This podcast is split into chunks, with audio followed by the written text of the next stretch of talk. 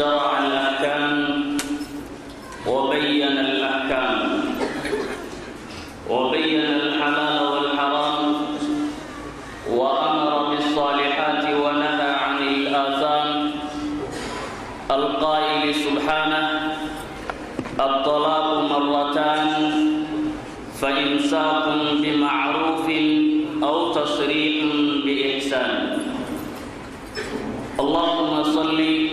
وسلم وزد وبارك على نبينا وحبيبنا محمد خير خير الانام عنوان الشرف ومسك الختام وعلى آله وصحبه اولي النهى والاحلام اما بعد أحبتي في الله السلام عليكم ورحمة الله وبركاته السلام ورحمه الله وبركاته ilaahay baa mahad subxaanahu wa tacaala iska leh. Ay u gaar tahay oo la keliyoobay rabbigeenna mowlaheenna macbuudkeenna subxaanahu wa tacaala nicamkiisana ay ka mid tahay inuu ilaahay subxaanahu wa tacaala inagu soo kulmiyey inagu soo jamciyey hada almakaan altayib almubaarak. Inta aynu gudanay waajib waajibaadka ilaahay ka mid a haddana inaynu diraasayno axkaamta shareecada islaamka inaynu diraasayno. Ee walaalayaal caawa oo ay taariikhdu tahay xasaba ummi lqura habeen afar bisha shanaad jumaad lula alif arbacamiya arbaca wa talaatiin waafaqsanna lix iyo tobanka bisha saddexaad labada kun iyo saddex iyo tobanka. Waxaynu qaadanaynaa muxaadaradan ballaadhan oo uu soo nidaamiyey amba uu soo agaasimay oo uu soo diyaariyey machad sheekh cali jawhar alislaami raxmat ullaahi calayh kana dhacaysa makaankan barakaysan masjid sheekh cali jawhar kamana fogaan doonto qadiyadan iyo diyaarinteeduna min duriyati sheekh cali jawhar in sha allahu tacaala waxoogay walaalayaal ogeysiisya in yaroo inaan la wada soconno ay muhiim tahay. Maxadku diyaarintan waxa uu ka yahay hamzatulwasli xuunbuu isku xidhaya waxay muxaadaraadkan muxaadaradan iyo mid habeen dambe aynu qaadan doonno in sha allah waxay qayb ka ahaayeen oo ay ka mid ahaayeen markas athaqaafi alislaami masjid jaamic lkabiir oo ku yaalla norway norway ku yaalla norway ku yaalla ayaa waxa uu soo diyaariyey nadwo cilmiya oo sharciya taas oo ku marti qaaday culummo badan oo caalamulislaami ka kala imanaysa markaa culimmadii ayuu sheekheen uu ku jiray waxoogay markaa waa isku dayay inuu ambabaxo sidii arni ahayd. Laakiin waxaa ka dhacday insha allahu tacaala inay asbaab jirta awgeed uu safarkii sidii uu u wada suurtogeli waayo. Sidaa daraaddeed sheekhu waxa uu yidhi famaxallii xaytu xabastani. Ha iska taxallulay marka halkan ka jeedinaya sheekhu. Marka insha allahu tacaala macadkuna waa hamsatulwasli un xidhiidhinaya.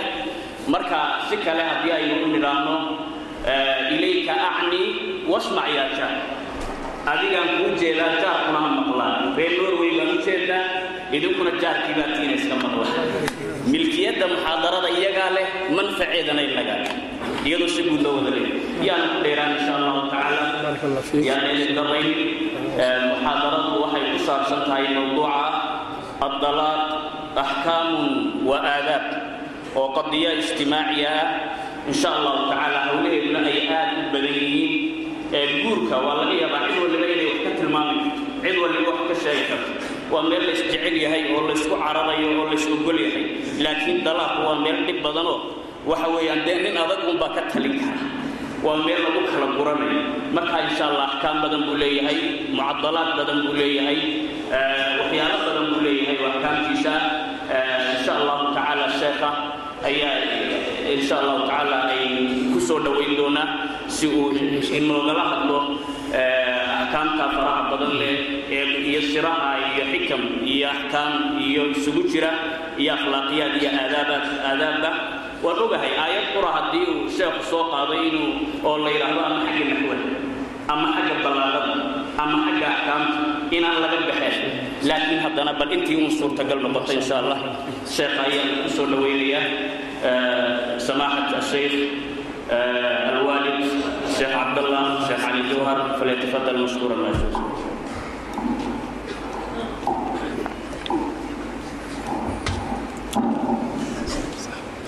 بسم الله الرحمن الرحيم الحمد لله رب العالمين والصلاة والسلام على أشرف المرسلين سيدنا محمد وعلى آله وصحبه أجمعين sida uu sheegay fadiilat sheekh ibraahim muxaadaradan sidaas ayay ahayd laba muxaadaro ayaan ku qornaa oo mid ay tahay adalaaq axkaamun wa aadaab midna ay ahayd quwatu silaaxi اliimaan ninka mu'minkaa iimaankiisu waa silaaxa quwadiisu ou yahay. Marka insha allahu tacala waxaa soo horreeya muxaadaradan waxay ku saabsan tahay mawduucii hore ee lagu qoray oo ahaa adalaaqa oo axkaam iyo aadaab leh. Alxamdu lilahi rabb اlcaalamiin wsalaatu wasalaamu cala sayidina muxamedi wcala aalihi wasaxbihi ajmaciin wabacd marka aynu nidhaahno dalaaqa aynu ka hadalno axkaamtiisa iyo aadaabtiisa waxa habboon inaynu horta wax ka taabanno guurka iyo mashruuciyadda ilaahay guurka u jideeyey iyo fawaa'idkiisa yacnii munaasaba ahaan waayo shay waliba wuxuu ku caddaadaa shayga muqaabilkiisa abuu ku caddaadaa. Haddii qofka loo tilmaamayo habeen loo tilmaamayo dharaarteeda waa in la tilmaamaa sida qur'aanka jannada uu ka hadlo muqaabilkeedii naartana waa laga hadlaa adduunyada aakharada marka waa laba shay oo iska isqaabilsan weeye amaba waxa horreeya nikaaxa horreeya daraaqa isaguna marka dambe yimaada. Marka horta darif kooban waa inaynu nikaaxa ka sheegno. Ilaahay subxaana wa tacaala waxa uu jideeyey insaanka iyuu abuuray arlada korkeeda ayuu ku abuuray si a ugu beermo hadday ismaamul aw ismaamulo tahay iyo tafiiranba. Waid qaala rabbuka lilmalaa'ikati innii jaacilun fi lardi khaliifatan. Qaluu atajcalu fiiha man yufsidu fiiha wayasfiku dimaa wanaxnu nusabixu bixamdika wanuqadisu lak. Qaala innii aclamu maa laa taclam ilahay halkaa wuxuu sheegay arladan inuu gartay inuu dhigo khaliifo ku beerma oo ku tafiirma oo axkaamtii ilaahay fuliya oo isu taliya isaga dhexdiisa. Idan haddii xikmaddii ilaahay sidaa ay ahayd waxa uu ku abuuray si au u beermo khariisadii jinsiga ahaa buu ilaahay ku abuuray. Taasoo xayawaanaadka kale ee noolaha ohoo dhani aw la wadaago oo dhammaan lab iyo dhidig ay leeyihiin sidaa ay ku beermaan laakiin wuxuu ilaahay kaga duway xayawaanaadkii kale insaanka waxa uu kaga duway in aan loo oggolaanin insaanka sidii xayawaanka kale inay khariisadoodaasi noqoto alinjaab bilfawda si fawdaa inay u dhacdo. Ee ay noqoto wax gaar ah ay noqoto. Laba qof oo gaar ah inay isguursadaan labadaa qof oo gaarkii ay beermaan iyo ilaahay subxaana wa tacaala gartay. Wa min aayaatihi an khalaqa lakum min anfusikum aswaajan litaskunuu ilayha wajacala baynakum mawaddatan waraxma ina fii dalika la aayaatin liqowmin yatafakkaruun ilaahay aayaadkiisa waxaa ka mid ah inuu idin abuuray naftiinna una idinka abuuray aswaaj aad guursataan si aad isugu xasishaan ood arlada korkeeda ugu noolaataan. Wuxuuna dhexdiinna yeelay mawadad iyo raxmo. Xayawaanaadka kale dhexdooda aanu yeelin. Xayawaanaadka kale ee iyo dhidiga ah wax jacayl iyo naxariis dhexdooda aanu yeelin. Ilaa markaa wadar xaajada ay gudanayaan mooyaane ayuu kuwan insaanka ah dhexdooda ilaahay u dhigay. Waa si insaanku oo u tafiirmo oo u beermo nabigeenna kolkuu ilaahay soo diray salawaatu ullaahi wasalaamu calayh carabta jaahiligu nikaaxyo badan ayay lahaayeen. Nikaaxa ugu weyni wuxuu ahaa kaa dadkuba ku beermayaane caadigabu ahaa. Nebigu ka oggolaaday laakiin wixii kale nikaaxii khadanka ay odhanayeen saaxiibnimo hoose ahaa ama nikaax naagta intay rag badani ku kulmaan intay soo ururiso waynu iswad ogayn ay tidhaahdo hebel baan gartay oon awlaawd gartay ay tidhaahdo ama nin loo yeedho qaa'if ah loo yeedho dadkii wax sheegsheegayey oo yidhaahdo intiinaa qof mid kaya un bal ku sheega yidhaahdaan kuu eeg yahay hebel nikaaxyadii caynkaa ahaa kale oo dhan waa uu buriyey. Wuxuu nebigu ka soo reebay isagoo waxyi ilaahi au ku socdo kii ay u badnaayeen kii ay u badnaayeen ee awalba ahaa kaa imminkaan ku jirna ah qofkii dumar ahaa in nin loo dhiso. Kaasoo kale loo badan yahaa waxaan kale ma badnayn way jireen laakiin kii loo badnaa oo keli ahaa ayuu nebigu ka soo reebay. Tandiimna shareecaddu way ku samaysay waa loo habeeyey. Waa inuu zawj ay meesha joogto zawju waa inuu jiro ama cid ka wakiilihii shaahidaynkii waa inay joogaan weligii waa inuu joogo ama xaakimkii weliga naa'ibka ka ahaa inuu joogo nidaam caynkaasi ayaa maxay loo ayaa loo habeeyey waxa ay tahayna xikmaddaas xikmad weyn baa ku jirta guurka awalan xifdu nasli tafriirta bini aadmiga oo la beero iyo wixii ilaahay khariisiga ahaa ee uu dadka ku abuuray oo xabsigiisa la xabaasaayay insaanka naftiisa dhibaataa uu keenaayo inuu maxay hayday si caafimaad oo sharciga uga soo baxo. Xikmaddaas ayaa maxay hayday ku jirta. Waxaa guurku intaa dheeraadu yahay uu xifdinayaa akhlaaqdii buu xifdinayaa uu ilaalinayaa xumaantii buu dhowrayaa wuxuu beerayaa oo kale qaraabada xidhiidhkeediina uu ballaarhinaya caa'ilaad badan oo aan waxba korkore isku ogayn ayaa imminka walaaloobaya oo iskaashanaya oo iscaawinaya. Waxaa meeshaa ka abuurmaysa yacnii mawaddo iyo liibaan iyo macrifo ballaadhan ayaa meeshaa ka abuurmaysa. Sida dalaaquba au u yahay taa didkeeda au yahay wax kala daadaadin au u yahay ayuu guurkuna au u yahay kolkaa sidaa au u yahay culimmadu waxyaabaha ay ka sheegeen waxaa ka mida guurka awalan waxaa ku jirta fidradii ilaahay uu ku abuuray dadka khariisadii jinsiga ahaa ee uu ku abuuray in maxay hayday loo hoggaansamo oo dariiqa lagu dhasho zawaajka lagu dhasho. In mujtamaca lagu soo biiriyo islaamiga ah tafiir toosan iyo jiyal iminka soo kacaya oo akhlaaqdiisu saafi ay tahay in ay xasisho nafta qof labada qofba naftooda xaasil ay ku noqoto ruuxdooduna ay ku deganaato xifdin la xifdiyo akhlaaqiyaadka la xifdiyo oo laga ilaalinaayo yacnii inhiyaar iyo hoosudhac akhlaaqda laga ilaaliyo. Intaa kolka la wada helo waxaa ku jirta oo kale ah yacnii muxaafado la xifdinaayo nawcii bashariga ahaa isaga oo toosan ayuu kolkaas sidaa u dhalanaya waxaa kaloo dheeraad ah sidaynu horeba u sheegnay daa'irat alqaraaba qaraabada daa'iradeedii way ballaadhanaysaa tacaawunkiina wuu xoogaysanayaa wuu xoogaysanaya sida soomaalideennii hore aynu ku ogayn qofku hadduu meel fog uu ka guursado meeshaasi oo dhanba dadkaas xidhiidh bay yeelanayeen. Oo xidhiidha ayay yeelanayeen.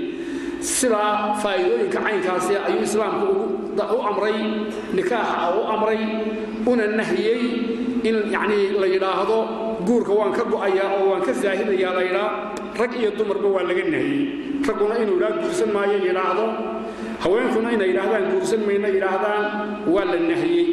Xadiidu tirmidi wuxuu ahaa ana nabiya sala allahu calayh wasalam nahaa can itabatul nebigu wuxuu nahiyey atabatul atabatul alinqitaacu can nikaax. Waa guurka oo laga go'o. Waxaanu nebigu yidhi isagoo ummaddiisa guurka ku tirtirsiaya tasawaju lwaluud alwaduud fa innii mukaafirun bikum alumama yowma alqiyaama qofka idiin dhalaaya ee yacnii kalgacalada leh guursada maalinta qiyaamaha ummadaha ayaan idinku faantami doonaaye bal markaa guurku sidaasaa loo ogyahay fawaa'idkiisuna wax wada muuqda weeye waxaynu u dhaafaynaa qaybta dambe ee muxaadaradu ay u badan tahay oo dalaaqa ah. Waxa uu yahay dalaaqu siduu sharcigu u jireeyey asbaabaha ee keena ee habboon in laga hortago si aanu u dhicin waxyaabaha keena.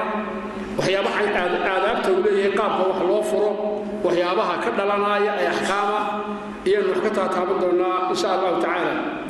Dalaaq carabi weeye waa luqa carabiya laakiin luqadeenna af soomaaliga loo eego waa waxa aynu furitaanka u naqaano weeye waxaa furitaanka aynu u naqaan weye labadii qof ee cismadu ka dhexaysa ee isku xidhnaa oo kala taga macnahaasaa sharciga loo loo yaqaano.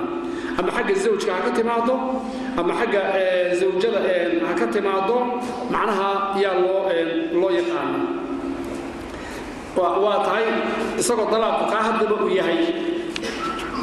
Waxaa jirta ilaahay subxaanahu wa tacaala inuu inu jireeye waa wuxuu jireeyey uu sharcigu oggolaaday weeye diimaha kale cidhiidhi bay geliyaan nasaarada oo kale iyo qaybta kaatolika oo kale iyo laydhaa iyo qaybahay kale leeleeyihiin mar hadduu guur dhaco dib dambe furitaan waxa la ydhaahdaa ma dhici karto. Wax dambana ma guursan kara ninkaasi naagtaasina ma guursan karto. Taasi kolkaa maxay tahay? Macquul ma aha. Haddii labadii qof ay isqaban waayeen dhan walba lagaga tegey waxa la hagaajin kari waayey in ha isku xidhnaadaan la yidhaa ma aha macquul. Naxariista eebba waxay noqotay kolkaa kolka laga maarmi waayo inuu dalaaqu noqdo raxmad naxariis u noqdo. Bimacnaa cilaajun xaasim waa dawo wax jaraysa waa xal nihaa'i ah. Kolka arrintii labadii zawjba ay ku adkaato dadkii ahlulkhayrka ahaa ay ku adkaato qaraabadii ay ku adkaato jaarkii ay ku adkaato xataa xakamaynkii xaakimka ka horreeyey ee la odhanaya xaakimku. Marka u horraysaba waa inuuna faragelinninune bal laba xaakima ha iska horraysiiyo au odhanayay intaa marka ay ku adkaato arrintu dalaaqu wuxuu noqonayaa xal buu noqonayaa ama cilaaj ayuu noqonaya sow mariidku ninka bukaaya wuxuu qaadan karaa dawo irbadahoo xanuunanaysa. Ama rubamaa cilaajkiisu mar buu jeexniin noqon karaa. Ama kiniin qadhaadh ayaa cun la odhan karaa. Markaa dalaaqii isaga oo qadhaadh naaxiyadaa kolka loo maaran waayo wuxuu noqonayaa dawo iyo maxay hayday uu noqonaya isagoo yahay abqadu alxalaal ila allaahi adalaaq ilaahay xaggiisa u xalaala oo loogu necib yahay dalaaqa ayaa jira oo nebigu yidhi salawatu ullahi wasalaamu calayh ayumu imra'atin sa'alat zawjaha addalaaq fii gayri maa ba'sin faxaraamun calayha raa'ixatu ljanna haweenayda weydiisata ninkeeda dalaaq wax dhibaatihii iyadooyna dhicin xaraam bay ka tahay jannada inay urisaay halkaasuu ka gaadhsanya dalaaqu laakiin marka haddaba loo maaran waayo la odhan maayo sidii nasaarada ha layska lusho la odhan maayee waa la kala saaraya wain yatafaraqaa yuqni illaahu kullan min sacati hadday kala tagaan ilaahay mid walba xaggiisa ayuu maxayday ka dhirgin doonaa? Laakiin haddii sida nasaarada ha isku xidhnaadaan la yidhaa maxay noqonaysaa kolkaa laba qof oo aan wadadegay aan is-ogolayn oo aan iswaafaqsanayn waxa weeyaan waxaa la yidhaha in lam yakun wifaaq fa haddii wadajir la waayo dee ha la kala dhaqaaqo. Haddii kale waxa ay noqonaysaa yacnii adduunyada waxa ugu xun baa la yidhi mucaasharatu man laa yufaariquka walaa yuwaafiquk bay carabtu tira. Mucaamalo idinka dhaxaysa ku aan meel la kaa tegayn ayna iskugu kiin dhacayn. Meel la kaama tegayin arrintuna iskuma kiin dhacayso marnaba iskuma kiin dhacayso. Waxaa la yidhaha kolkaa waa cadaab ayaa ninkii shaacirkaana waa kii yidhi wamin nakadi dunya cala alxorri an yaraa caduwan lahu maa min sadaaqatihi buddun. Adduunyada yacnii dhibaatadeeda waxaa ka mid a ninka xortae garaadka leh inuu arko cadow au leeyahay oo laabud inuu saaxiib la noqdaana ay laabud tahay. Cadow buu kuu yahay. Haddana inaad la saaxiibtaana waa shay lagama maarmaan oo laabud ah. Waa min nakadi dunya ayay ka mid tahay. Marka kaasi waa qofkii sidaa'ihi waa ninkaad kol kulmayseen usbuucii ama saacado yar aad kulmayseen. Laakiin qof zawja ah oo dhinacaad tihiin ood meel keliya wada galaysaan yacnii dee ma suuroobaysa xayaatadaasi ma suuroobayso in kolkaa la kala goo mooyaane ma suuroobaysa taasi ma suuroobayso haddaba islaamku isagoo u oggolaaday dalaaqa au oggolaaday markuu oggolaadayna ay tahay marka xal loo waayey waa markii loo maaro waayey. Qaraabadii ehlulkhayrkii ehelkii jaarkii maxkamadihii oo maxkamadaha ay ka horreeyaan weliba xakamaynka ay ka horreeyaan labadii xaakim oo runtii ogahay maxkamadaheenu inta badan waxa ay u diraan dad xakamayna ayay u diraan marka u dambaysa tallaabada maxkamaddu ay labada qof kala reebtaa marka waxay tahay waa naxariis baynu nidhi. Naxariista caynkaasi ee la banneeyey ee sharaa'icdii kale kaga fiican sidaa haddana sharcigu aad buu cidhiiri geliyey. Dayiq baa laga dhigay. Ma habboonaa la yidhi inay labada zawj ku degdegaan. Ma habboona marka waxay culimmadu yidhaahdeen laba qaybood baan kaga hadlaynaa. Bal dalaaqu cidhiidhi aw u noqdo oo uu cidhiidhiyamo laba qaybood baan kaga hadlaynaa. Qaybo waxa weeye umuur lagama maarmaan ah intaan laysguursan in aad looga fiirsado. Qaybina marka caqdigu dhaco in la ilaaliyo oo axkaam in la ilaaliyo oo la dhowro. Ah haddii marka hore la dhowro umuurtaa loo baahan yahay qabla alcaqdi caqdiga ka hor dalaaqa daa'iradiisu way yaraanaysaa. Haddii la ilaaliyo kolka caqdigu u dhaco umuurtaa kale ee ha la ilaaliyo la leeyahay haddii la ilaaliyana daa'irada dalaaqu way soo yaraanaysaa way soo koobmaysaa. Waxyaabaha haddaba loo baahan yahay intaan guurkuba dhicin dalaaquba intaanu dhicin bal waxa qofka loo baahan yahay waxa weeye guurka in qaab fiican horta loo dhigo ina shaygii kolka si fiican loo dhigu si fiican u fadhiisan karaa laakiin wuxuuba kolka hore hadduu wax laadlaada yahay dee wax laadlaadaa si dhib yar buu dhacaa. Wax laadlaadaa meel ka soo laadlaadaa si dhib yar buu dhacaa. Marka kolka u horraysa wax la leeyahay waa inuu qofku doorto ninku zawjo saalixaa waa inuu doorto. Waa inuu xooggana saaro dhinaca diinta akhlaaqiyaadka waa inuu eego qabla almaali waljamaal quruxda intaanu eegin intaanu eegin maal aanu eegin xasabkeeda intaanu eegin. Sidii nebigeenu uu tilmaamay salawaatu ullahi wasalam oo yidhi tunkaxu lmar'atu liarbacin haweeneed waxaa loo guursadaa asbaabo afarah ama raqabaad afar abaa keena. Limaaliha maalkeeda waa loo guursadaa oo dad baa maalka raaca. Walixasabiha sharafka meesha ay ka dhalatay waa loo raacaa walijamaaliha quruxda waa loo raacaa walidiiniha diinteedana waa loo raacaa fadfar ku liibaan bidaati diini diinta tow saaxiib ah taribat yadaak taribat yadaak gacantaa ay dhowdeed waa kelmad carabi ahaan la seed laqo si aan loo jeedin habaar looma jeedo sida innagu aynu dhahno waar inkaar kugu dhacday sidaa iyo sidaa yeel qofkaa uma jeedidana inkaar ku dhacday uma jeedid habaar looma jeedo oo taribat yadaak looma jeedo oo lama habaarayo qofka ama haddii si kale aad raqbad kale aad gasho diinta ka baydho taribat yadaak macnahaasoo kale wey marka afartaas siyood cilmigu ka soo qaaday naaxiyati diin buu ka soo qaaday. Culimmaduna kolkay eegeen haddii ay kulmaan waa dee sida uguba fiican weeye qofkii oo ilaahay maal siiyey meelna fiicanna ka dhalatay quruxna leh diinna leh taa wax lagu doorsadaaba ma jiro. Laba hadday ku kulmaan oo diinta iyo wax kale ay ku soo biiraan diinta wax kale hadday ku soo biiraanna waa tii la doonayay laakiin kolka ay noqoto uun maal oo keliya xasab oo keliya jamaal oo keliya diin oo keliya dhinaca diinta raac. Dhinaca diinta ah kolkaa raac wey haddii diintii kuwa kale ay ku soo biiraan oy saddexda kale ku soo biiraan ama laba ay ku soo biiraan ama mid uu ku soo biiro taasina siiba fiican. Xadiikan waa kii nabigu ku yuri salawat ullahi wasalaamu calayh laa tasawaju nisaaa lixusnihinna. Haweenka ha u guursanina quruxdooda. Facasaa xusnuhunna an yurdiinahunna inuu halaago ayaa laga yaabaa xusnigoogaasi walaa tasawajuuhunna liamwaalihinna. Xoolo ay leeyihiinna ha u guursanina. Facasaa an yudqiihinna. Taasina kibir. Inay keento ninka ku hugurto ayaa la arkaa. Walaakin tasawajuuhunna cala diin diin ku guursada. Xadiikaas wuxuu sii raacinayay walaamatun kharmaa addoon faruurya dilaacsan ama san dilaacsan baa afdal fadli badan kolkay xagga diinta ay noqoto oo diin leh.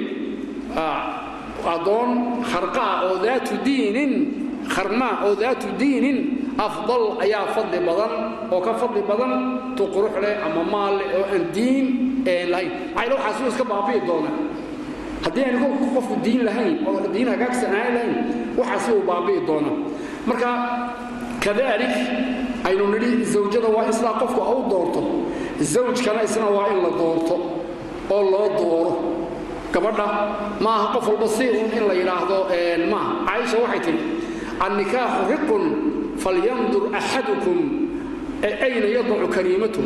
Guurku waa addoonnimo. Qof waliba ha eega inantiisa halkuu dhigaya ha eega waa addoonnimada idhayaa waa maxay? Macnaa xadhig baa ku xidhan inaa nin baa guursaday isagoo furo mooyaane ama ay dhimato mooyaane kama go'ayso. Markaa waxay u jeeddaa addoon ma ahee addoon oo sidii addoontii gacanta lagu hayay ninbay iyo cismadiisii ay galaysaa ninkaa cismadiisa ay galayso dee waa in loo meel dayo oo qof hagaagsan uu noqdo.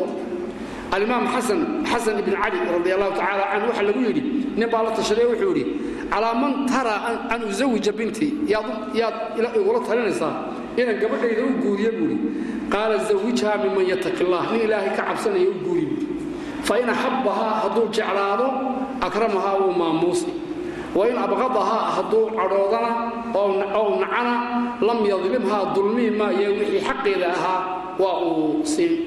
Waxay markaa culimmadu yidhaahdeen hadduu ninku u guuriyo gabadhiisii nin xun oo faasiqa shaaribu khamri qaatil waxyaabaha xumaanta ah hadduu guuriyo haadaa rajulun jana calaa diinih diintiisii waxbuu yeelay wa rajulun tacarada lisakhat illaah waa nin ilaahay cadhadiisii isku bandhigay maxaa yeelay raximkii wuu jaray ikhtiyaarkii fiicnaa ee ilaahay uu siiyeyna waa uu xumeeyey xadiis baa isaguna ahaa darajadiisuba man zawaja kalimatahu min faasiqin faqad qadaca raximahaa gabadhiisa ninka u guuriya nin faasiqa ha ogaado riximkiisii wuu gooyey ninkaasi riximkiisii uu jaray. Markaa sida gabadhaba ha loo dooro la leeyahay inankana ha loo dooro. Laakiin taa ma ku dhaqanaayo dadkeenu inta badan ma ku dhaqmaa waxaa la odhanayaa. Way baadayaan waa naag baa la maad maqasheen inan la leeyahay inankaasi wuu ba'ayo inan buu beeyo xumeeyo laayiq ma ah subxaan allah laa xawla walaa quwata illa billah. Sida inaantaba loogu eegayo akhlaaqiyaadkeega loogu eegayo waa haddii reer fiican in dhismo la doonayo inankana waa in akhlaaqiyaadkiisa la eego. Qof toosan oo mustaqiima akhlaaqdiisu fiican tahay diinta ku dhaqma oo ku toosan inuu noqdo wey waxa kale oo ah in loo dooro zawjka waa in la dooreen. Gabadha waa in la raaligeliyo qofka loo guurinayo waa in lagala tashado oo maxay hayday la weydiiyo istidaan la weydiiyo. Hadba siday ahaydba gabadhii bikra ahaydna. Waa kii laga dalbayey. Hooyadeed intoo loo diro bas kolka waan kuu guurinaya la iska aamusto waa raalli oo waa la garanaya gabadhii kalena ee ayibada ahaydna saraaxatan ay u caddaysato. Istidaan waa in la helo waa in lagala tashado oo loo sheego. Ma bannaana gurada un in lagaga geeyo oo la yidhaahdo ninkaasaan kusaynaa un la maxaa yeelay waxaynu wadnaa. Asbaabaha dalaaqa yarayn doontaa waa in kolka hore horta la sii hagaajo zawjka saalixa waa in la dooro. Gabadha saalixada ah waa in la dooro. Waa in lagala tashado. Iyada gabadha ridaheega waa in la ogaado. Waxay ka sheekeeyaan carabtu. Gabadh baa nin baa gabadh baan doonayaa jiri. Markaasay ninkaa guursa yidhaaheen gabadh ninkaasaan kuu qaadnay guursa yidhaahdeen. Aan iska hubiya bay tiri. Way u dirto waxay tihi war bal ii soo sheeg. Waxay shaqadaadu tahay muhiimadaadu waxay tahay iyo bal ii soo sheeg markaasaa warqad buu soo qoray isagoo tilmaamaya nin geesiya oo dagaalada yacni ragga ninka fardaha ragga dagaalka ugu yaqaano ah inuu yahay wuxuu yidhi wasaa'ilatii maa xirfatii faqultu laha muqaaracatu alabdaali fii kulli shaariqin.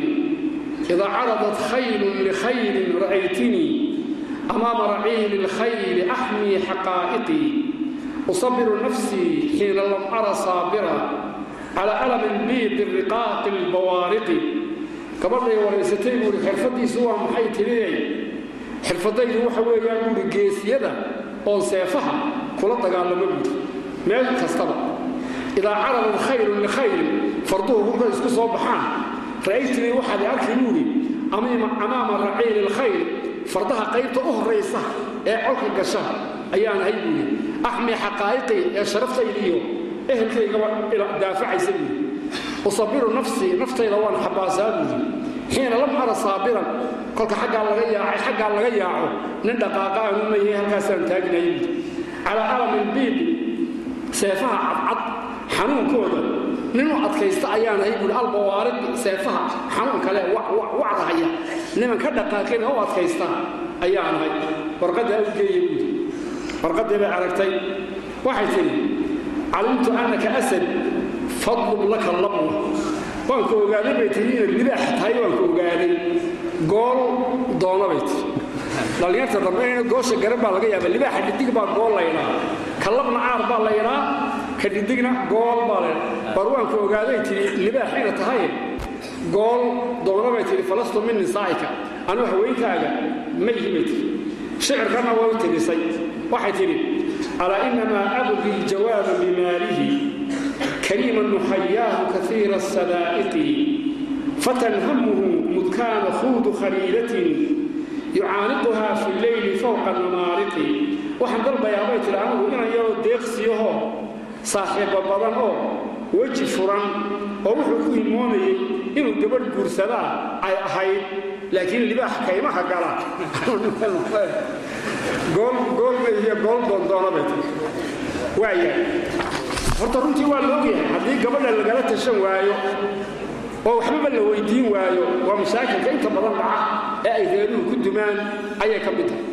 Kadalik waxaa kaloo iyana jirta oo muhimmadda koowaad ee sharcigu uu faraya ah hooyada in lala tashado inanta hooyadeed in la tixgeliyo oo xadiid nebigu waa kii salawaatu ullahi wasalaamu calayh wuxuu yidhi yani aamiru nisaa'a fii banaatihinna haweenka kala tashada hooyooyinkood kala tashada maxaad ka ogaan kartaa adigu haddaad tidhaahdo caaba ninkaasaan ku siiyey waxay ku odhanaysaa may aanu reerka yaanasa joogo aanu carruurtayda baanu shaqaynay ka tegi maayo aqalkeed ama doon guuriya waxaa dooni maayo carruurtayda iyo waxanu baanu shaqayno reerkeennu baanu shaqayn bay ka odhay hooyadeedun bay wada sheekaysan karaan waxaa ka sheekaysan karaan markaa sidaa daraaddeed in hooyada loo dhaafo weeyi talada odayga ha soo bandhigo isagaa weliyul amrigii ah nasaaxadii ha gudbo laakiin hortaba hooyadu u soo bandhigaya. Oo odhanaya arrinka caynkaa iyo caynkaasaa jira bal arrintaa maxaynu ka yeellaa ayuu odhan waxay soomaalidu ka sheekeeyaan.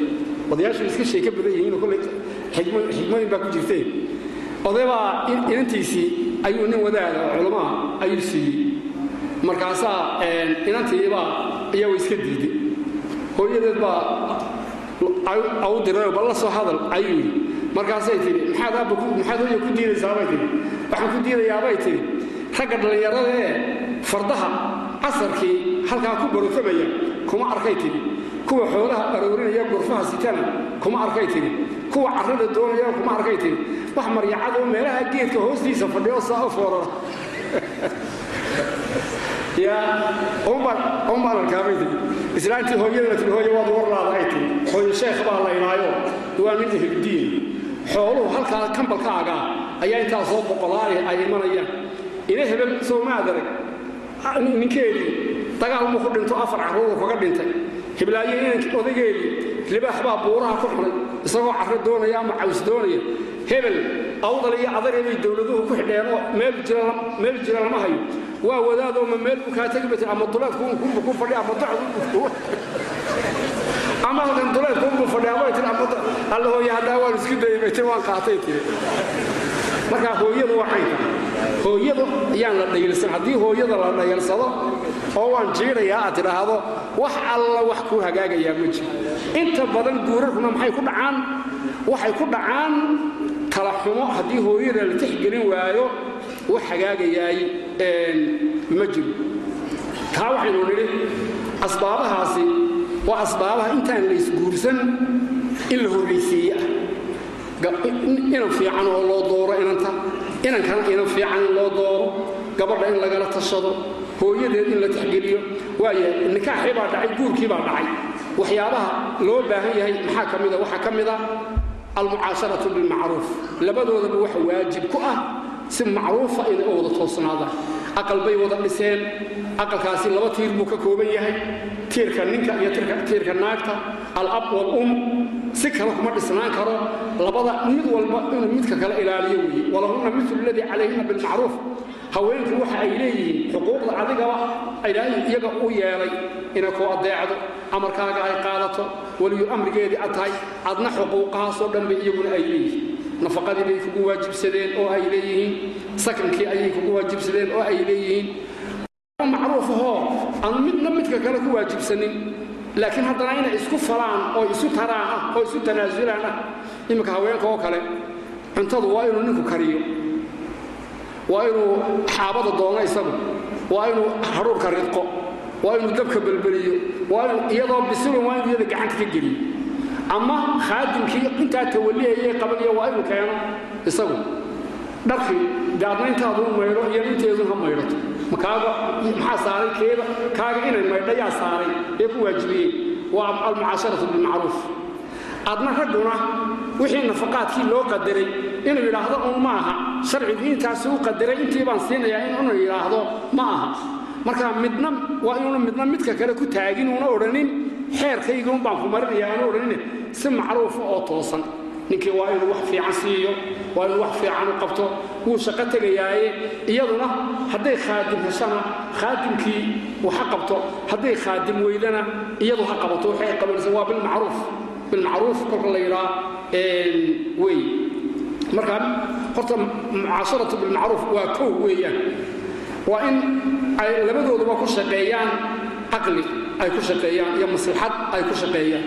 Markay dareemaan yacni baacit alkaraahiya waxyaaba nictaana carribiyo labadiisa daanbo way isqaniinaan kolkay waxay dareemaan waa inay ku shaqeeyaan caqli iyo maslaxad waa inay ku shaqeeyaan. Wacaashiruuhunna bilmacruuf fain karihtumuuhunna facasa an takrahuu shayan wayajcal allahu fiihi khayran kaiira si macruufa kula mucaamalooda haddaad nacdaan waxaa laga yaabaa waxaad nacdo oo ilaahay khayr badan u kaa siiyo imsaanu reero aragnay muddooyinkaa hore isla yar kareedmay isla kareedmay waxoogaa isku sabray. Hadhow kor dambe ilaahay awlaad saalixiina oo ka beeray. Oy marka dambe ka sheekaystaan iyagu ay ka sheekaystaan. Waagii dhibaatada caynkaa iyo caynkaas ilaahay baa wixii naga qaaday ay yidhaahdaan. Marka waxaad nacdaani wuu jiraa laakiin khayr buu ilaahay ka dhigi doonaaye. Waa inaad adkaysataan oo had iyo jeer caqliga iyo maslaxadda waa inaad eegtaan. Waxaa kale oo ah waxyaabaha loo baahan yahay inuu zawjku daweeyo haddii zawjadu ay amarkiisa diiddo inuu ku daweeyo bilxikma watadaruj xikmo iyo kolba kolba heer kolba wuxuu ku dayo. Isagoo jileecis muujinaya min hayri dacfin daciifniman ayna jirin.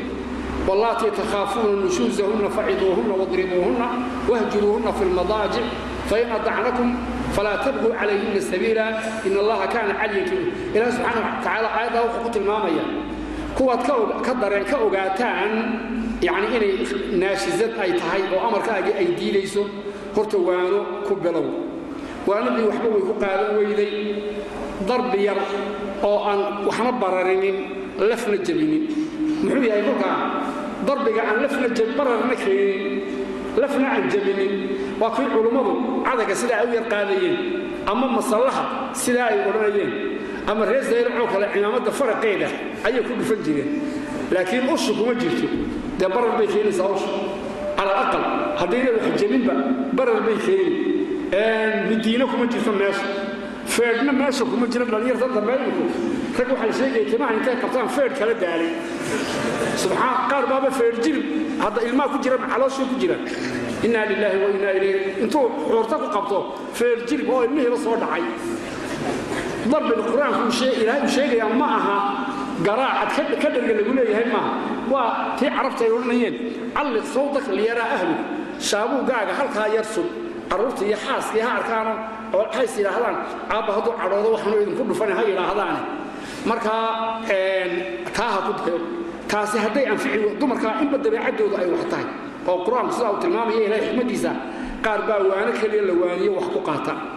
Qaar baa cabsidaa darbigaa yar ku qaato oo haddii cimaamaddaba sida aad u qaaddo cabsi ay gashaa wahjiruuhunna fi lmadaajic jiifka ood uga tagtaan. Maaha aqalka uga taga maaha. Dhinacaa kaluun ha u jeesto oo ha tidhaahdo un odayga muxuu xaggaa ugu sii jeedaa ha tidhaahdo. Marka waa shay an fashyaan intaasi hadday wax weydo waxaa loo baahan yahay kolkaa inuu dadkii mujtamacii kale uu soo dhex galo. Oo ay soo galaan dadkii jaarka ahaa ay soo galaan. Jaarka weliba waxa ka horreeya dadka ehelka ayaa ka sii horreeya. Rubamaa waxaa laga yaabaa meelaha qaarkood inaan looga baahan ehelka aan loo baahan. Hadduu jaarkaagu yahay jaar ehludiina au yahay. Oo ninkii naagta jaarka kulehli ahludiin ay yihiin uba baahan maysaan cid kale u baahan maysaan. Iyagaa qabanaya wixii yara khilaafa yimaado odhanaya kolkaaba gacanta ku dhigaaya oo qabanaya ayaa loo bandhigaya. Markaasaa loodhanaya aan dhex gala loodhanaya taa hadday anfici weydo waxay noqonaysaa kolkaa in dadkii waaweynaa ay dhex galaan. Ee maxkamadda dariiqeedii ah maxkamadda oo aynu nidhi waxaa ka horreeya alxakamayn.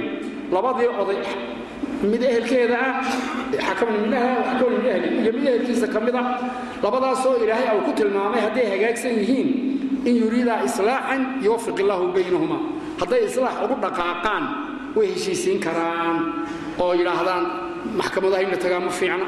Annagaa arrinkiina noo soo diray annagaa arrintiina dhammaynayna oo halkaa ay ku dhammaynayaan waxaa yidhi sayidina cali bnu abi daalib radi allahu tacaala canhu ayaa nin iyo naagi. Iskula yimaadeen markaasuu arrinkoodiibuu u diray. Laba nin ayuu u diray. Wuxuu yidhi atarayaani maa calaykumaa. Waxaan idhi saaray. Ma ogtihiin buudhi calaykumaa in ra'aytumaa an tujmicaa wa in ra'aytumaa an tufariqaa waxaan idhi saaray buudhi haddii aad garataan labadaa qof inaad kala kaxaysaan kala kaxeeya. Haddaad garataan inaad wada jirsiisaanna isku geeya markaasuu ninkii yidhi ama haadaa falaa maya anu taa ma yeelaya buudhi markaasuu cali yidhi kadabta wallaahi been baad sheegtay buudhi wallaahi laa tabrax min haada xataa tardaa bikitaab laka wa wallaahi inaad halkaa ka dhaqaaqayna buuri ilaa kitaabka ilaahay aad ogolaato buuri laka wa wixii au ku siiyo iyo wuxuu ku saaraba.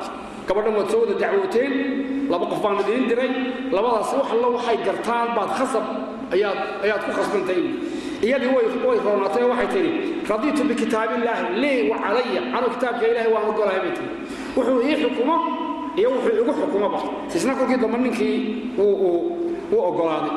Marka waxa weeye intaa maxaynu uga jeednaa in mucaashara bilmacruuf lagu mucaamaloodo hadduu wax yimaado inaan wixii kor loo qaadin cilaaj lagu dayo.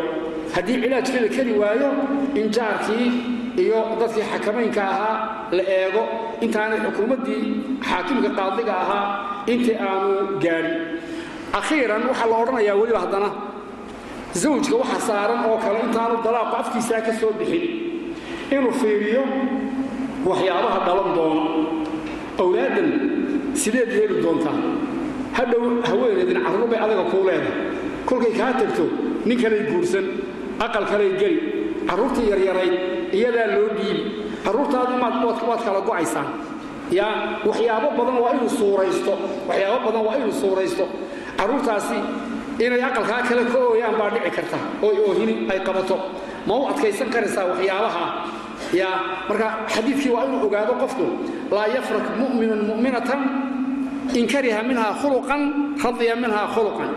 Ninku naag mu'minada waa inuu yaanu nicin dhinac hadduu ku naco dhinac kale inay ku fiicantaa laga yaaba dhan buu ka nacayaa soo maaha isagay u yar daran tahay. Awlaaddana aad bay ugu fiican tahay.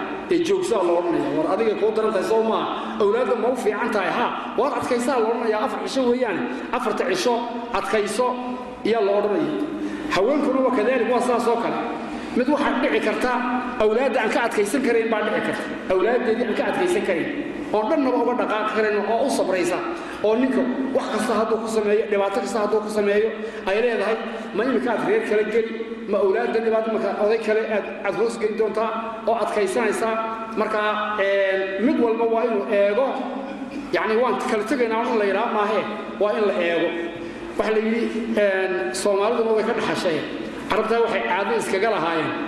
Haweenku kolkay gabdho badan dhalaan ee inanba meeshuu dhali waayo oo iska afbuuri jireen oo afkaasay buuri jireen soo soomaaliduba in badan baa ahaan jirtay ama imika dhanba ah. Oday la yidhaahdo abi xamsat adabbi ayaa zawjadiisii ayuu iska yar nacay. Waxaan u nacayaa gabdha iswada raacraacay oo shan lix gabdhood baa iswada raacay oo inanba uu waayey markaasuu afka buuraya.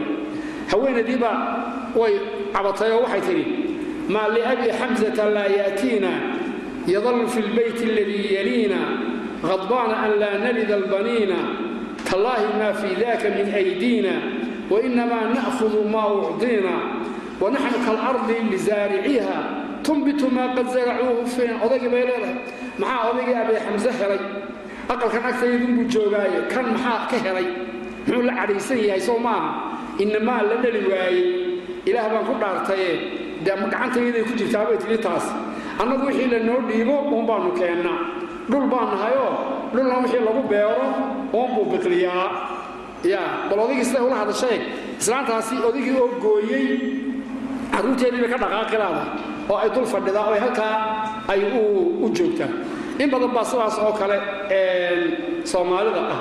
Waxay soomaalidu ka sheekeeyaan ninbaa waxa u dhashay lix wiil baa u dhashay markii dambey gabadhi dhalatay. Lixdii wiil ayaa noqday. Waagii hore imika waxa la ydhaa uu qayilayaabaa la ydhaa soomaaliya waa jaadcun. Cawsdaaq baa la odhan jiray waagaa hore. Cawsdaaq lixdiiba cawsdaaq bay noqdeen.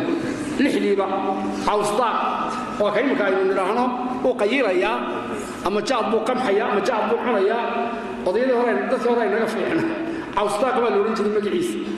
Lixdiiba cawsdaaq bay noqdeen gabadhii yarayd buu ilaahay reer fiican geliyo. lixdii cawsdaaqa ahayd iyo macal odaygii intayba way ku fillaatay. odaygii baa yidhi waryaadahe wayna waxaan gablami gaaray buuri maalintii inanta hiblaaya hadday iyana inaan noqon lahayd. ina isna cawsdaaqunbuu noqon lahaaye warneel gabra intaasaan gaaray buuri waan sigtay buuri inantaasu ilaahay ugu badbaadiy ugu bixiyey.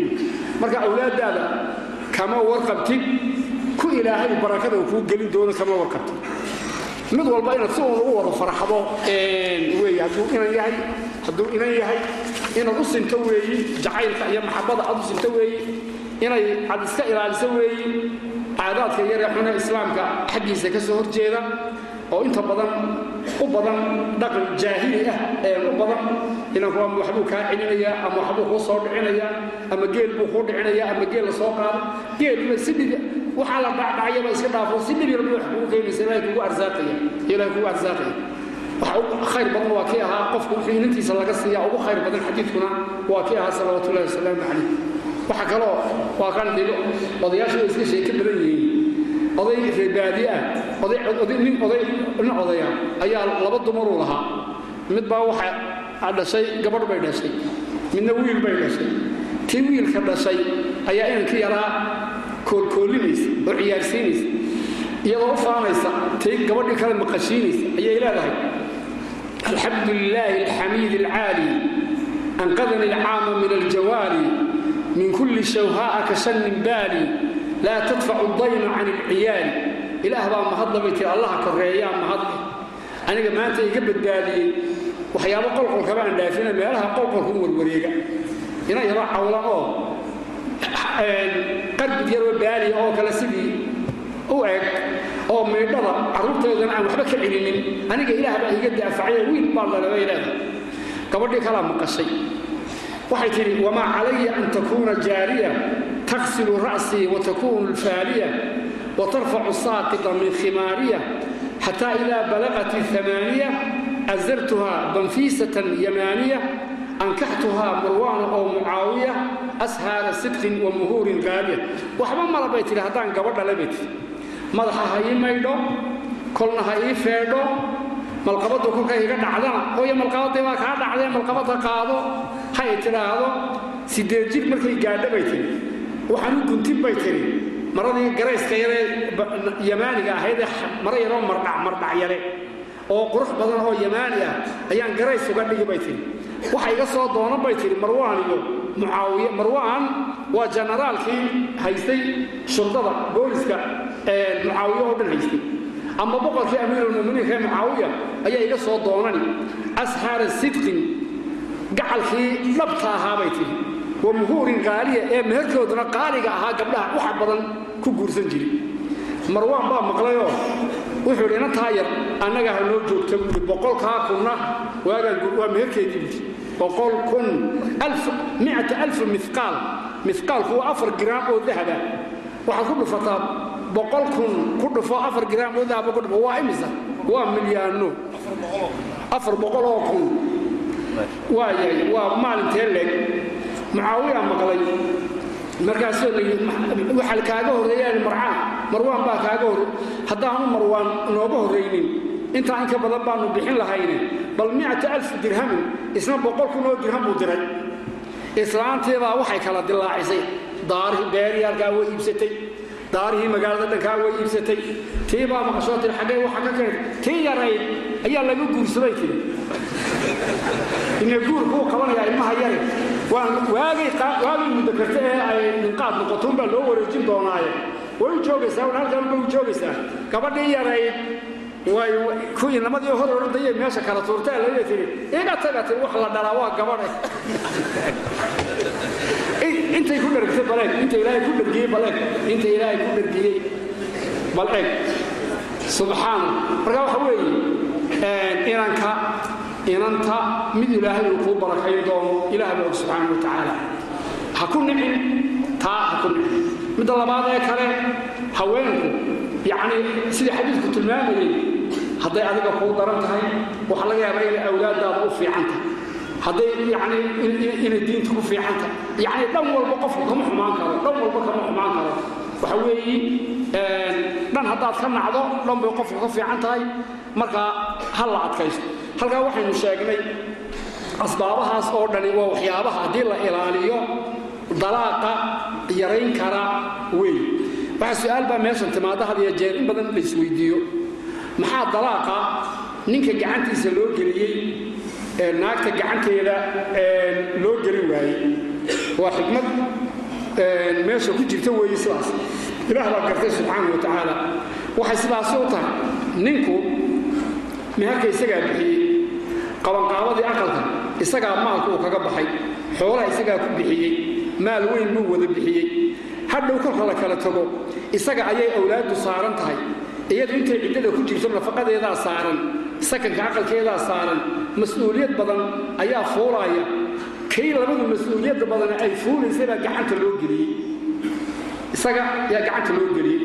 Midda labaad ee kale ninku wuu ka adkaysi badan yahay haweenayda si dhib yar uma caroon karo qofka oo waxaas oo ashyaaa bixiyey reerkii u shalay dhisay uun kalintood maanta duriso ku kala samee ma odhan karo inta badan laakiin haweenayduse dhib yar ayay iyadu horta u cadhoonaysa haddii dalaaqa gacanteeda la geliyo oo laydhaa adaa furaya laydhaa kolkaaba waxay leedahay oo aduma koluu kharji kaa baxaya?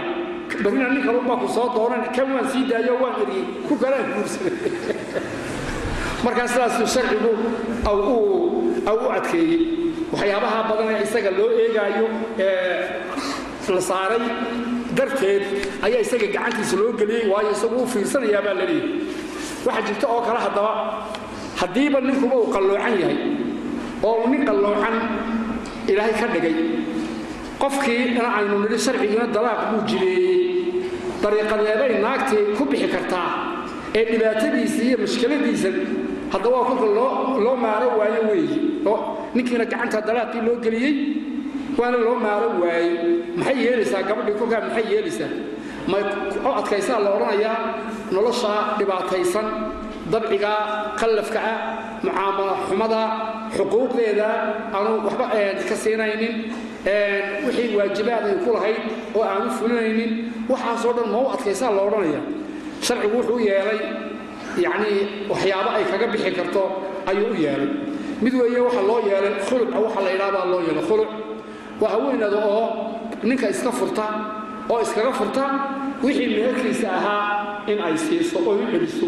Iyo wixii ka baxay ay tiraa waan kuu celinayaaye dalaaqayga isi ay tidhaahdo oo kolkaas sidaa uu ku furo. Kolkaa waa waa waxa weeyaan arrin ay kaga furan karayso ee wey fain khiftum an laa yuqiima xuduud allaahi falaa junaaxa calayna fiima iftadat bih hadday labadii qof gartaan inaanay xuduuddii ilaahay dhigay ee sharciga oo dhigay wadajirka aanay buuxinaynin waxa u bannaan inay samayso iftidaa ay furato. Waakii u bayaamiyey nebigu salawatullah slam xadiidkii haabit ibnu qays kolkay haweenadiisii ka soo cabatay ay timi ma jecli waan necebahay ma yeelayo lama joogayo. Wuxuu waxaad u celisaa beertiisii ma u celinaysaa beerka uu kuu siiyey. Ha waan celinayaabay tiri markaasuu yidhi u celi.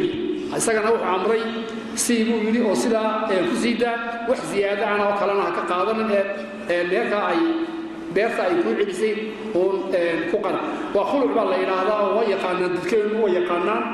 Meherkaygii baan saamaxay bay odhanaysaa waxa kuu sheegan maayo ee hay sii daayo ayay odhanaysa. Taasi waa dariiq lagaga furfuri karo. Waxa kale oo oo ah inay dadka u sheegto oo ay gaadhsiiso dadka ehelkooda ay gaadhsiiso oo sidaa lagaga sii daayo. Waxa kale oo u bannaan xaakimka inay gaadhsiiso oo ay u sheegato ama nafaqa la'aan nafaqa aan siinaynin ama yacni maxayday cayb jinsi hadday ku dhacdo oo mucaamalo oo kale ay ka weydo kuna sabri weydo in qaadiga ay u bandhigto arrinteedii ay u bandhigto qaadigiina kolkaa ay u sharaxdo oo arrinkii ay u sheegto. Way yaqaanaan qudaadu kolkay sheegayaan dumarka waxyaabahaasi sheegayaan.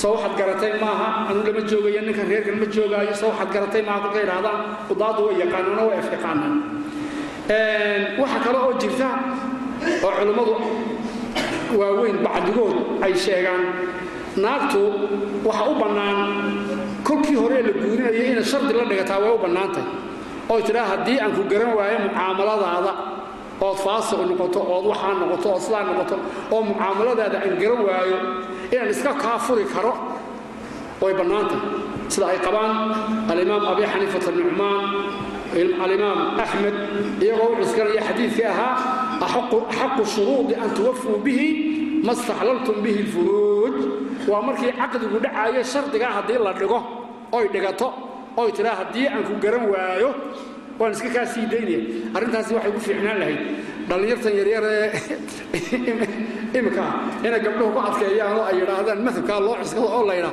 oray haddaad jaadkaa iyo sigaarkaa iyo fisqigaa iyo xumaanta haddaad ka hadhi weydo hadda waxaa shardi ii ah inaan iska kaa furo ninkii waxaas baan iska furoan bay odhanaysa khalaas halkaasay ku dhantay laakiin inta badan laguma camal falo waxaa la eegaa un macruufka umbaa la eegaa. Awlaadda waxa joogto umbaa la eegaa. Waa la isku sabraa waa la isku dulqaataa. Sharciguna kama qabo sabirkaiyo dulqaadka. Waxba kama qabo beligu dhiirigelinaya khitaaman aadaabu dalaaqa aadabtiisa aadabta oo u dhaco dalaaqu yacnii kutubeennu kolkay ka hadlayaan siyaabo loo rido ayaa dalaaqa jira. Dalaaq waxaa la yidhaahdaa waa dalaaq sunni ah. Dalaaqna waa dalaaq bidci ah baa la yidhaahdaa. Dalaaqa sunnigu waa ka waafaqsan. Habkii ilaahay u dhigay in loogu talagalo haweenka. Haweenka waa in dalqad la furo ama laba dalqadood la furo. Dalqad kolkaad furto aad isfiirisid oo tidhaahdid warniyahu maad hagaagsan tahay. Qofkan sidaasaad ku sii daysaa awlaad baa idin dhex taalla ma reer kale aad geli doontaa reer kale ma geli kartid. Soo cesho inaad soo ceshato haddana waad sida hagaagi weydeen haddana waa inaad dalqad kale aad furto haddana waa inaad sida isku fiiriso oo aad tidhaahdo warniyahu waa kanoo qofkii waa tan hagaagila waa awlaadna meeshii bay taallaa bal yacnii aad ka fiirsato hadday hagaag labadaa goor marka saddexaad ee dambe iska sii daa. Addalaaqu marataani fa imsaakun bimacruufin aw tasriixun biixsaan dalaaqa sunniga ah ee toosani in laba goor u dhaca weeye wadiba labada goor mar kaliya hawadafidine marna mid haddana mid soo celi haddana soo celi kolka dambe ama hagaag u hayso ama siidaa wax dambeoo ka dambeeyaay ma jiro. Waxaa kale oo ah haweenka inaan la furin iyagoo caadadii leh in la furaay waa xaraam wey waxaa kale oo iyaduna ah iyaga oo daahir ah oo laakiin duhrigaa lagu taabtay iyaduna in la furo maaha waayo ma ogaan kartid ciddadiina siday noqon doonto in xamli ay xaamilo noqon doonto oo yani halkaa yani dhibaata ay ka iman doonto ma ogid. Marka waa in laga fiirsado oo aan lagu taabanin innagoo soo koobnay oo uu taa ku kooban yahay waxa weeye inaan lagu degdegin dalaaqa aan lagu degdegin. Runtii waxaan aad ugu ammaanayaa dadka maxkamadaheenna joogaa inta badan yani kolkay iskula yimaadaan markaaba ma kala dhaqaajiyaan dadka ma kala dhaqaajiyaan waxay ku soo celiyaan dadka reeraha ayay ku soo ku soo celiyaan. Marka sidaas sida ugu fiican oo in loo ilaaliyo ah khitaaman u dambayn yani ma sheeganayo anugu wax fadli ah soo bandhigidda aan soo bandhigay camalkan aan soo bandhigay ama kitaabadan mawduuca aan ka qoray ama aan kaga hadlay. Inamaa ana mutabic walastu bimubtadic xayu sirtu calaa dawi maa tarakahu lana culamaauna aw naqaltu canhum wain lam aczum fain yakun fii hada sawaab failayhim yarjicu lfadl wain yakun اlukhraa fahuwa qusuurii can ilaxaaqi bihim wamacdiratii anii badaltu dalika juhdii wama alowt wain tajid cayban fasudi bhalala fajalla man laa cayba fiihi wacala wallahu subxaanahu watacaala aclam waaxkamu bisidq sawaab wailayhi lmarjicu wlmaaab جزا الله عشرات الشيخ الشيخ عبد الله الشيخ عبد الجوهر محاضرات aadka u qayilka iyo baxtiga aadka u ballaaran dhinacyo badan taabanayay xikmadda iyo axkaamta iyo aadabiyaadka akhlaaqiyaadka iyo ladaa'if iyo daraa'if badan isugu jiray